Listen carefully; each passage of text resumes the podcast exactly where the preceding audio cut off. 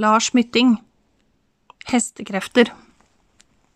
Lest, forhåpentligvis med passe innlevelse, av Pernille Pipestilken Toresdatter. Før. Gravrust. Du har bare ett sted å gå når dattera til bilopphuggeren sviker deg. Tilbake til huggeriet. Til resten av vrakene. Til speedometeret på null. Til motorer med gravrust i sylinderveggene. Til pressa. Erik lirket flaska ned i innerlomma. Et vindkast tok med seg ølposen. Lørdagsnatta lå fiolett og varm over bilkirkegården. Nettinggjerdet skalv stramt mot spenntakene da han begynte å klatre. Han dro fram ermet på olajakka, klemte neven om piggtråden, halte seg over, falt ned på den andre sida. Pusten og hjerteslagene kom tilbake foran en oppbrent traktor og en frontskadd varebil. Huggeriet var mørkt, bare en enslig lyktestolpe i enden av tomta sto tent. Den gule lyskjeglen falt på en rød Buick. Erik siktet seg ut en korridor mellom det matte skimmeret på biltakene, begynte å gå mot den. Det måtte være over tusen biler her. Werner Grundtvig lot dem stå lenge før han hugget dem. Noen var eldgamle, han hadde tatt på dem i sommer. Ru, nesten knudrete lakk. Han passerte en Mercedes fra 74, på magen uten hjul. Jeg vet hvorfor den står her, tenkte han. Dør til dør med en Capri uten bakaksling og en BMW med stivnet hjullagerfett. Noen sluttet å bry seg. Noen fant en bedre og sterkere, en de kunne være bekjent av å bli sett med. Han dundret nevene i taket på Buicken, røsket løs vindusviskerarmene. Tora. Tora Grundtvig. Tora med røyskattøynene og det blåsvarte håret. Tora med det pendlende Levis-merket på bukserumpa. Tora som hadde latt ham skjønne at det kom til å gå i orden hvis han prøvde seg. Erik satte seg i Buicken, tørt og godt, slik han husket det fra før i uka. Flaska ble snart tom. Etterpå vaset han i de gjengrodde buskaset på enden av tomta, blant skamferte småbiler og bulkede oljefat, kjente hveten fra gresset slå gjennom skoene, oppover olabuksa. En vaier dasket mot et bølgeblikkskur. Langt borte hørte han en presenning blafre. Oppå tre Fiater lå en gammel Cadillac. Den måtte ha vært hvit en gang, men nå var lakken grimet og slitt, som malingen på en vannstelt kirke.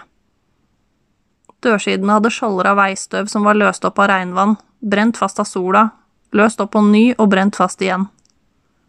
Han kunne ikke skjønne hva den gjorde her. Ingen ville sende en Cadillac fra begynnelsen av 50-tallet til hugging. Langt mindre stable den oppå tre Fiater. Ikke engang Grundtvig, selv om hele bygda visste at huggeren var både feilmedisinert og overklok. Dessuten sto den feil. Alt første dag av sommerjobben hadde jo Werner vist ham hvordan bilene måtte samles etter nasjonalitet. Til venstre for grinda lå det franske kvarter. Renault, Peugeot, Citroën. Midt på plassen var Tyskerlunden. Svenskegrensa lå ved det øvre gjerdet, nesten 50 Volvoer og Saber på rekke. Japansk og russisk ble lempet nederst på myra. Ukurante småbiler og gårdsredskap her nede ved gjerdet. Engelsk og amerikansk ble parkert ved Moelven-brakka der han hadde kontor. Så en Cadillac skulle aldri forgå her, mellom Fiater, bøyde silosvanser og gamle bussmotorer.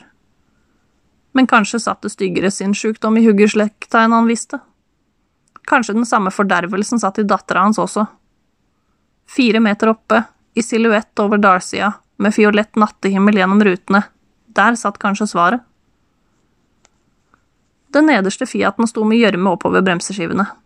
Erik halte seg opp med foten på dørhåndtaket, stakk seg på glasskår og spjæret blikk, falt ned, klatret opp igjen mens søla rant fra buksa.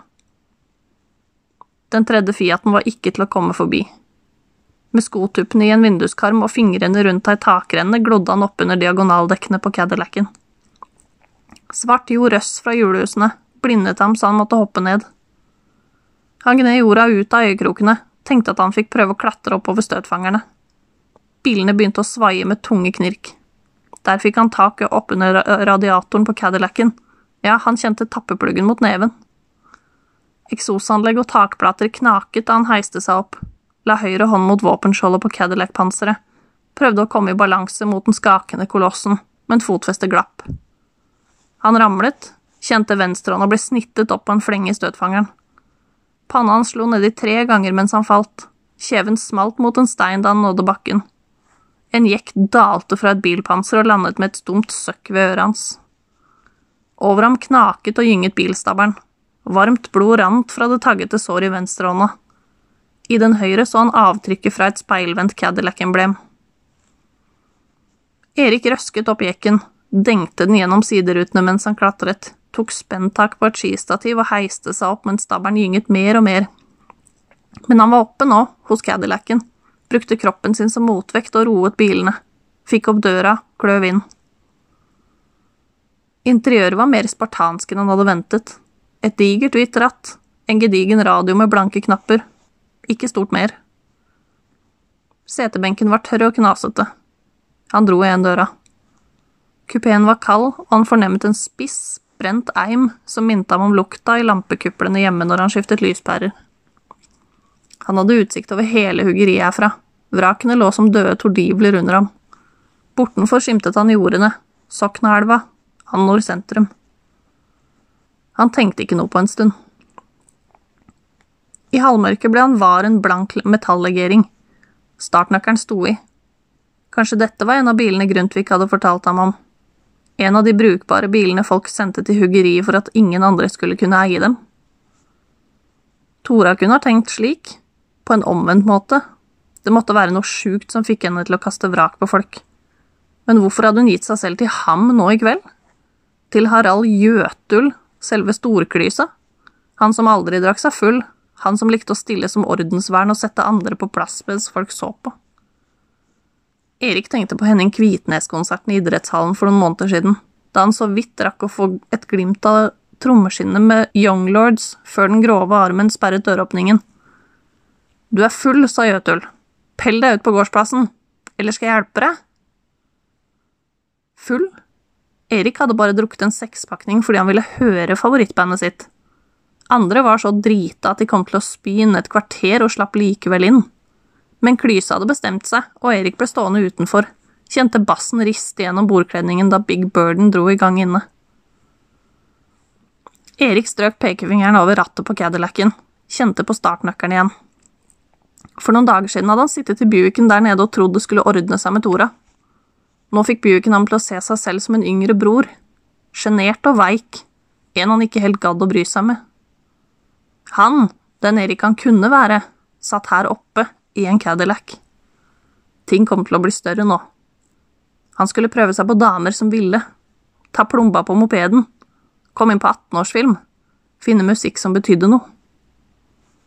Erik vred tenningsnøkkelen et hakk, hørte høyttalerne suse. Batteriet var i orden.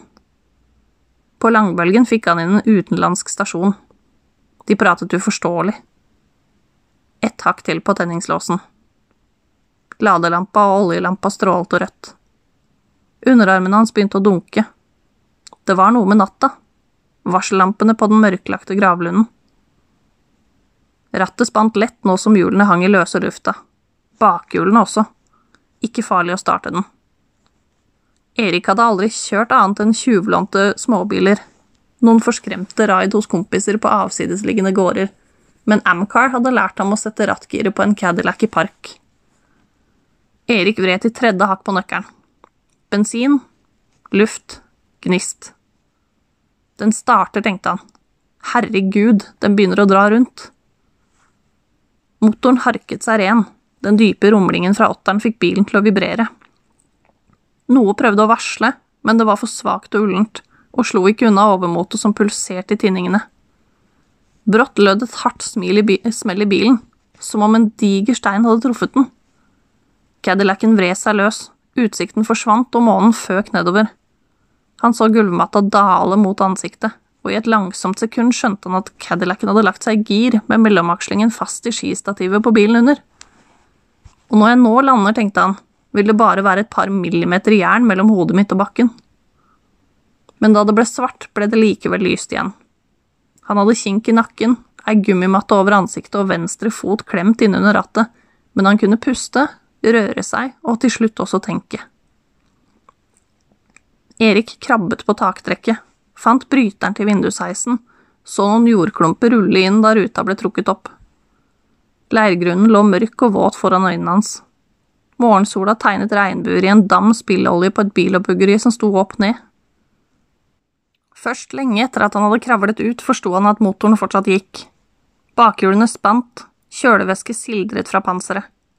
Fort strakte han seg inn og fomlet etter nøkkelen, vred feil og hørte startmotoren skjære i, vred motsatt vei, hørte motoren dø. Solskinnet tok ham i nakken. Blodet dryppet fra håndflata. Erik spydde, nappet løs en flik av taktrekket og tørket seg av munnen. Dro av mer, reivet tøyet om den blødende neven, merket at han ble edru. Gikk rundt bilen, strøk over den ruglete understellsmassen, kjente lunken fra eksosanlegget. Bagasjelokket hadde åpnet seg i fallet. En svart lærull lå på bakken. Den var tung. Noe hardt lå som ribbein innenfor. Spennreima hadde et innstanset fabrikkmerke. Belleropon. Et gammelt verktøysett. En lang rad fastnøkler i hver sin lomme, småhakket og blankslitt. Noe gammelt ræl, ingenting å ha. Cadillacen ble med tegnet seg mot skitten i høyrehånda. En kort stund syntes han det blusset til, fikk farge. Han spyttet i neven, gned hånda mot buksa, men fikk ikke avtrykket helt bort. Porten til huggeriet sto åpen. Olabuksa hadde tørka nå, men sømkantene nederst var fortsatt våte, to tunge, svarte ringer som dasket mot anklene mens han løp. Angeren slet i ham hele søndag, skar i ham hele mandag, sprakk på tirsdag. Stjele fra Grundtvig og attpåtil ødelegge en Cadillac. Det kom vel opp noe drit når jeg møter Tora der, men å gå med skylda er verre, tenkte han og smekket bagasjestroppene rundt verktøysettet. Tråkket ned kickstarteren på mopeden, kjørte til huggeriet. Grundtvig sto bøyd under panseret på en Volvo Duett. Han måtte ha hørt mopeden, for han reiste seg da Erik parkerte, og sto slik Erik hadde sett ham hver dag denne sommeren. Det hvite håret under sixpensen, den brune overholden som var svartimpregnert over magen, oljeklin fra alle girkassene han hadde båret mot fanget. Før Erik rakk å spørre etter Cadillacen, sa Grundtvig, Har du vært på Lillehammer i år? Han har ikke tatt nervemedisinen ennå, tenkte Erik. Alle tegnene var på plass. Skjelvingen, det blyge og enfoldige gammelmannssmilet som kom til feil tid, faktene Erik visste tilhørte en forstyrret og skadet mann. De nye vinduene på fylkessjukehuset, sa Grundtvig. De som er svarte og blanke. Jeg vet hemmeligheten med dem. Spesielle solbremsepaneler, produsert på lisens fra USA. Du mener solcellepaneler, sa Erik og strakte hals. Nede ved gjerdet sto de tre Fiatene. Cadillacen var borte. Nei da, bremsepaneler, sa Grundtvig. På grunn av belegget. Lyset bremses når det treffer et speil og snur. Det er bare å se på relativitetsteorien, det. Med mange nok paneler kan de allierte bremse tida på jorda ved å lukke vinduene på signal fra Nato. Dette verktøysettet, begynte Erik. Jeg fant i en hvit Cadillac her på tomta. Cadillac, sa Grundtvig i et tonefall som var svar og spørsmål på samme tid. Her er det ingen Cadillac. Jeg så den, sa Erik og la lærullen på taket av duetten. Tror det var en 52-modell. Vel, dette er et bilopphuggeri. Biler har det med å bli borte her, sa Grundtvig. Han rullet ut futteralet, tredde to ringnøkler på lillefingrene og slo dem mot hverandre. For en klang det blir når de smis slik! Skikkelig verktøystål. Og i tommestørrelser! Med dette kan du reparere alt som er noe å ha, altså amerikansk eller engelsk. Se her! Svarteloksert, ikke forkrummet. Ser simplere ut, men vil aldri flasse av. Verktøy for en fagmann. Varer evig. Og da mener jeg evig på den måten. Omsider kjente Erik at kreftene strakk til. Tora, sa han. Er Tora her? Hun ville nordover, sa Grundtvig. Til mora si. For resten av sommerferien, sa Erik. For godt, sa Grundtvig. Litt av et uttrykk, det. Har du skåret deg? Kjørte av på moped, løy Erik. Kjente at han ville hjem og grine. Ta av bandasjen, sa Grundtvig. Hvorfor det? Ta av bandasjen! Sånn. Ja, helt av.